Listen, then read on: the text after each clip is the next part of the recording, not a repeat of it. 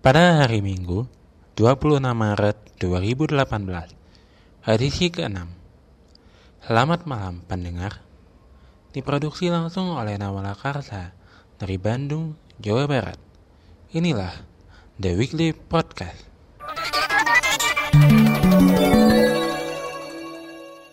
Kali ini di The Weekly Podcast, kami telah merangkum berita-berita terhangat untuk Anda dari dunia pop culture, transportasi, penyiaran, dan internasional. Adapun berita-berita yang telah kami rangkum dan sajikan pada edisi The Weekly Podcast kali ini meliputi Comic Web Film akan berkolaborasi dengan studio Tiongkok. Suksesnya efek rumah kaca dalam acara industri kreatif South by Southwest. TT resmi bergabung menjadi operator Transjakarta. Hak share Liga 1 tahun ini telah ditetapkan. Republik Rakyat Tiongkok perketat penguasaan media dalam memperombakan regulasi. Nikola Saputra akan membintangi film Asian Three Fort Milk. Dan dari sedemikian informasi pentingnya ada saya, Amir M. Rashid, akan membawakan berita-berita yang independen dan informatif lainnya untuk Anda, para pendengar, dan kita akan mulai dengan berita dari pop culture sekarang. Pendengar pasti tahu tentang komik web film. Studio animasi yang terkenal akan karya sineas dari Makoto Shinkai, sejak Hoshinokoe hingga Kimi no Nawa. Namun, tahun ini mereka bekerja sama dengan Howliners, studio animasi yang berpusat di Shanghai, Tiongkok untuk berkolaborasi dengan membuat karya berupa film antologi, yaitu Shiki Ori Ori.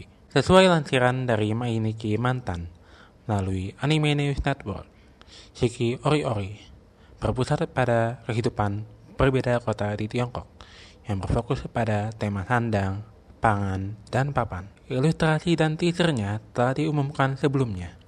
Dan ada pun tiga film pendek yang akan diisi untuk film antologi mereka, yaitu Hidamari no Chosoku, disutradarai oleh Ki Kiao King, menceritakan tentang seorang kehidupan pekerja remaja di Beijing dan nenek yang tinggal di kampungnya. Chisana Fashion Show dari Yoshitaka Takeuchi menceritakan tentang saudara perempuan yang tinggal di Guangzhou. Ini adalah tutorial debutnya setelah menjadi pengurus utama 3D Chigi untuk film dari Makoto Shinkai dan Shanghai Koi disutradarai oleh CEO Howliner Lee Howling yang bersetting di kota Shanghai pada tahun 1990 sebagai home act dari film 5 cm per second.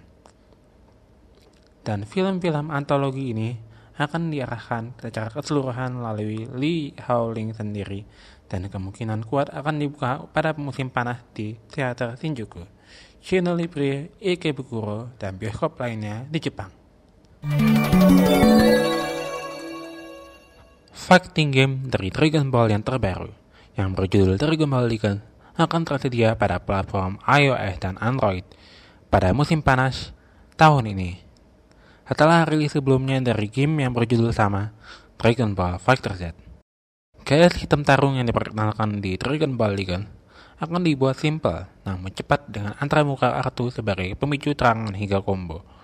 Pemain cukup melakukan swipe dan tap untuk meluncurkan strategi serang mereka untuk memenangkan pertarungan di game yang akan diterbitkan oleh Bandai Namco Game pada tahun ini.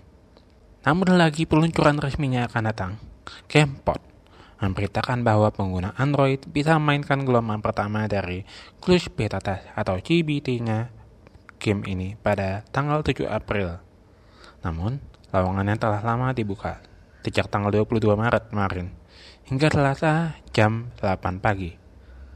Pendengar bisa meninjau tentang GPT dari Dragon Ball Legend ini melalui laman web mereka pada alamat https titik dua dan dua garis miring dble titik pn garis ent titik net garis miring en garis miring cbt Perlu diketahui bahwa berita ini menggunakan jana waktu Indonesia Barat, Jadi diharapkan mendengar bisa kalkulasi zona waktu Pacific Daylight Time yang tertera di jadwal GPT tersebut.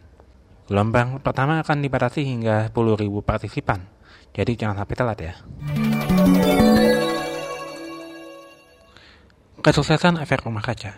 Band indie peraliran pop Indonesia saat manggung di acara Akbar, industri kreatif di Amerika, South by Southwest, di Austin, Texas, membawakan buah akan nasib baik setelah diyakini kembali oleh Backcraft atau Badan Kreatif Indonesia untuk meninjau kembali komunikasi. Setelah sempat protes karena masalah transportasi untuk delegasi dan sempat mundur hingga berhasil mencari dana sendiri beberapa minggu kemarin. Setelah kemeriahan dan respon positif di After Foolish, klub musik yang menjadi lokasi resmi XSW atau South by Southwest untuk musik. Band yang dipukuli Khalil Mahmud ini kini telah menjajahi New York City untuk menyambangi fan-fan efek rumah kaca yang tidak jenuh karena merantau dan bekerja hingga belajar di negeri Paman Sam. Kemarin, menurut akun Instagram resmi dari efek rumah kaca, yaitu at sebelah mata underscore ERK, efek rumah kaca memuaskan energi mereka untuk unjuk gigi melalui acara gig, yaitu sebuah acara musik kecil di The Kingsland, Brooklyn, pada jam 5 waktu New York. Setelah melakukan sesi open mic di Sidewalk Cafe dan live streaming di tepian sungai Hudson, belum dipastikan apa cara selanjutnya yang diadakan oleh efek rumah kaca. Namun, mereka memastikan akan balik ke Jakarta pada hari Rabu nanti. Selanjutnya, kita akan beralih ke segmen transportasi. Dilansir dari kanal berita Kaori Nusantara, Sejak hari Sabtu, 24 Maret 2018 kemarin, bus maksi dari operator bus legendaris PT TDSafe Tbk mulai beroperasi di layanan bus rapid transit atau BRT Transjakarta. Bus dengan kode operator SAF ini terpantau telah beroperasi di koridor 1 yang melayani rute Blok M sampai kota dan koridor 11 yang melayani rute Kampung Melayu sampai Pulau Gebang. TDSafe telah memasang 128 unit bus berukuran maksi kepada Volvo. Salah satu produsen kendaraan berat ternama dunia asal Swedia. Pesanan bus ini dilakukan sebagai wujud keseriusan TDSafe untuk bergabung dalam layanan BRT Transjakarta. Sebelumnya, TDSafe pernah menjadi operator di layanan BRT Transjakarta dengan membuat konsorsium bersama beberapa operator bus kota lainnya di PT Trans Batavia, PT Jakarta Trans Metropolitan, dan PT Jakarta Megatran. Volvo sendiri bermitra dengan PT Indo Truk Utama, anak usaha PT Indo Mobil Sukses Internasional sebagai agen tunggal pemegang merek atau ATPM untuk produk-produk bus dan truknya di Indonesia. DDSafe menggunakan sasis bus Volvo Bus B11R 370 6x2 yang ditenagai mesin diesel berdaya 370 horsepower dengan tingkat emisi Euro 3 dengan tiga ganda roda, bertransmisi otomatis, dan menggunakan suspensi udara atau air suspension. Untuk badan bus, dibuat oleh karoseri lokal asal Ungaran, karoseri Laksana, dengan model Cityline 2 sebagai karoseri andalan Transjakarta. Berdasarkan situs e-tripkatalog.lkpp.go.id, harga sasis bus Maxi Volvo ini berkisar di harga 1,9 miliar rupiah. Jika ditambah dengan biaya pembuatan badan bus oleh seri Laksana dengan model lain City Line 2 khusus bus Maxi, seharga 709 juta rupiah. Diperkirakan harga satu unit bus Maxi Volvo ini hampir mencapai 3 miliar rupiah. Kini, terdapat tiga bus maksi di layanan BOT Transjakarta dari berbagai merek. Ketiga tipe bus tersebut yaitu Mercedes-Benz OC500 RF2542, Scania K30IB, dan Volvo B11R 6x2. Dari transportasi kita berpindah ke penyiaran. PT Liga Indonesia Baru atau LIB pada tanggal 8 Maret 2018 yang lalu mengumumkan informasi penting perihal hak siar dari pertandingan sepak bola Liga 1 tersebut. Dilansir dari situs bolalop.com, grup Elang Mahkota Teknologi atau MTEK, acara resmi akan menayangkan pertandingan Liga 1 tersebut melalui stasiun Indosiar dan O Channel. Hal lain itu, FIFA Group juga menjadi salah satu pemegang hak siar pertandingan sepak bola tersebut sehingga pertandingan bola tersebut akan tetap ditayangkan oleh TV One. Dikutip dari situs tersebut, Berlinton Siahan, laku di rut PT LIB menyebutkan ada 260 pertandingan Liga 1 dan 2 yang nantinya akan disiarkan melalui Indosiar, World Channel, dan TV One. Sedangkan 124 pertandingan lainnya bisa disaksikan lewat siaran streaming melalui video.com. Namun pada Kamis, tanggal 22 Maret 2018 yang lalu, PT LIB mengeluarkan informasi yang mengagetkan. Traveloka, salah satu sponsor utama dari Liga 1, menyatakan mundur dari sponsorship pertandingan sepak bola tersebut. Merlinton menyatakan bahwa mereka masih mencoba untuk mencari pengganti Traveloka dalam slot sponsor. Sehingga dengan keluarnya Traveloka dari slot sponsorship ini, dapat dipastikan bahwa titel pertandingan tersebut akan berubah menjadi Gojek Liga 1 2018. Demikianlah sajian berita penyiaran. Selanjutnya dari berita yang telah kami lansir dari BBC World Service, waktunya kita beralih menuju sajian berita internasional. Sebuah roket yang diluncurkan oleh para pemberontak di kota timur mengenai sebuah pasar di Damaskus, ibu kota Suriah. Pasar tersebut sangatlah ramai pada saat hantaman roket terjadi. Setidaknya, terdapat 35 warga sipil yang tewas akibat ledakan roket tersebut. Terdapat pula ledakan roket di tempat yang berbeda di negara tersebut, menyebabkan sedikitnya enam orang luka-luka. Para pemberontak tersebut sudah sering melakukan serangan menggunakan artileri sejak para pasukan pendukung pemerintahan Basar al-Assad melancarkan serangan udara secara beruntun ke daerah timur kota tersebut sejak sebulan lalu. Tercatat sedikitnya 1.400 warga sipil tewas dan 50.000 warga lainnya mengungsi ke kawasan lain. Perihal warga yang mengungsi ke banyak kawasan sekitar kota, Lembaga PBB di bidang kebantuan kemanusiaan atau UNHCR memperingatkan bahwa akan ada masalah yang muncul apabila masalah pengungsian tersebut tidak dapat diselesaikan.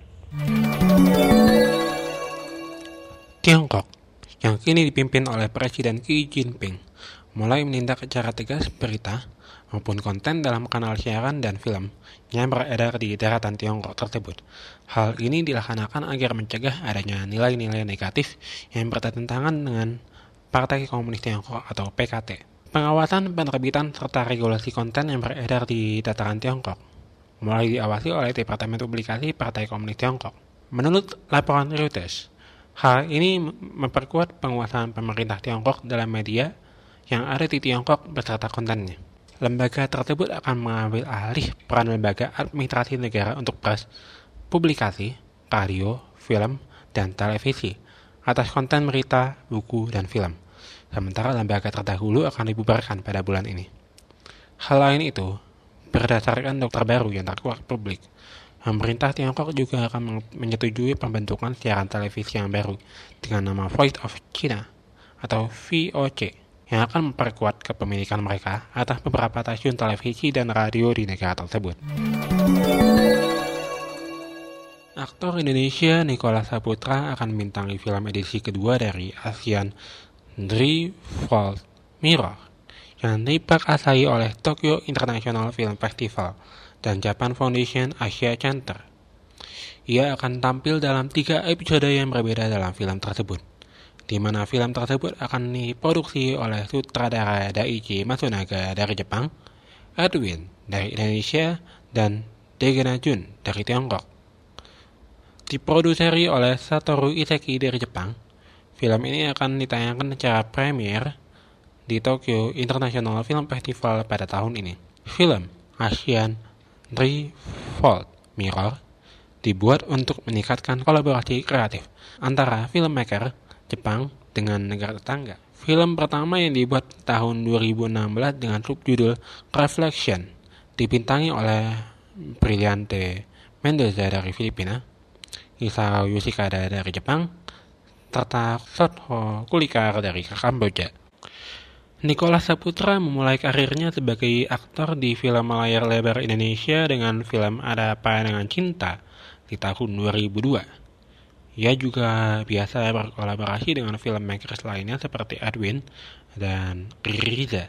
Tahun 2017, ia mendirikan perusahaan Tanahir Film Production yang berfokus pada film dokumenter.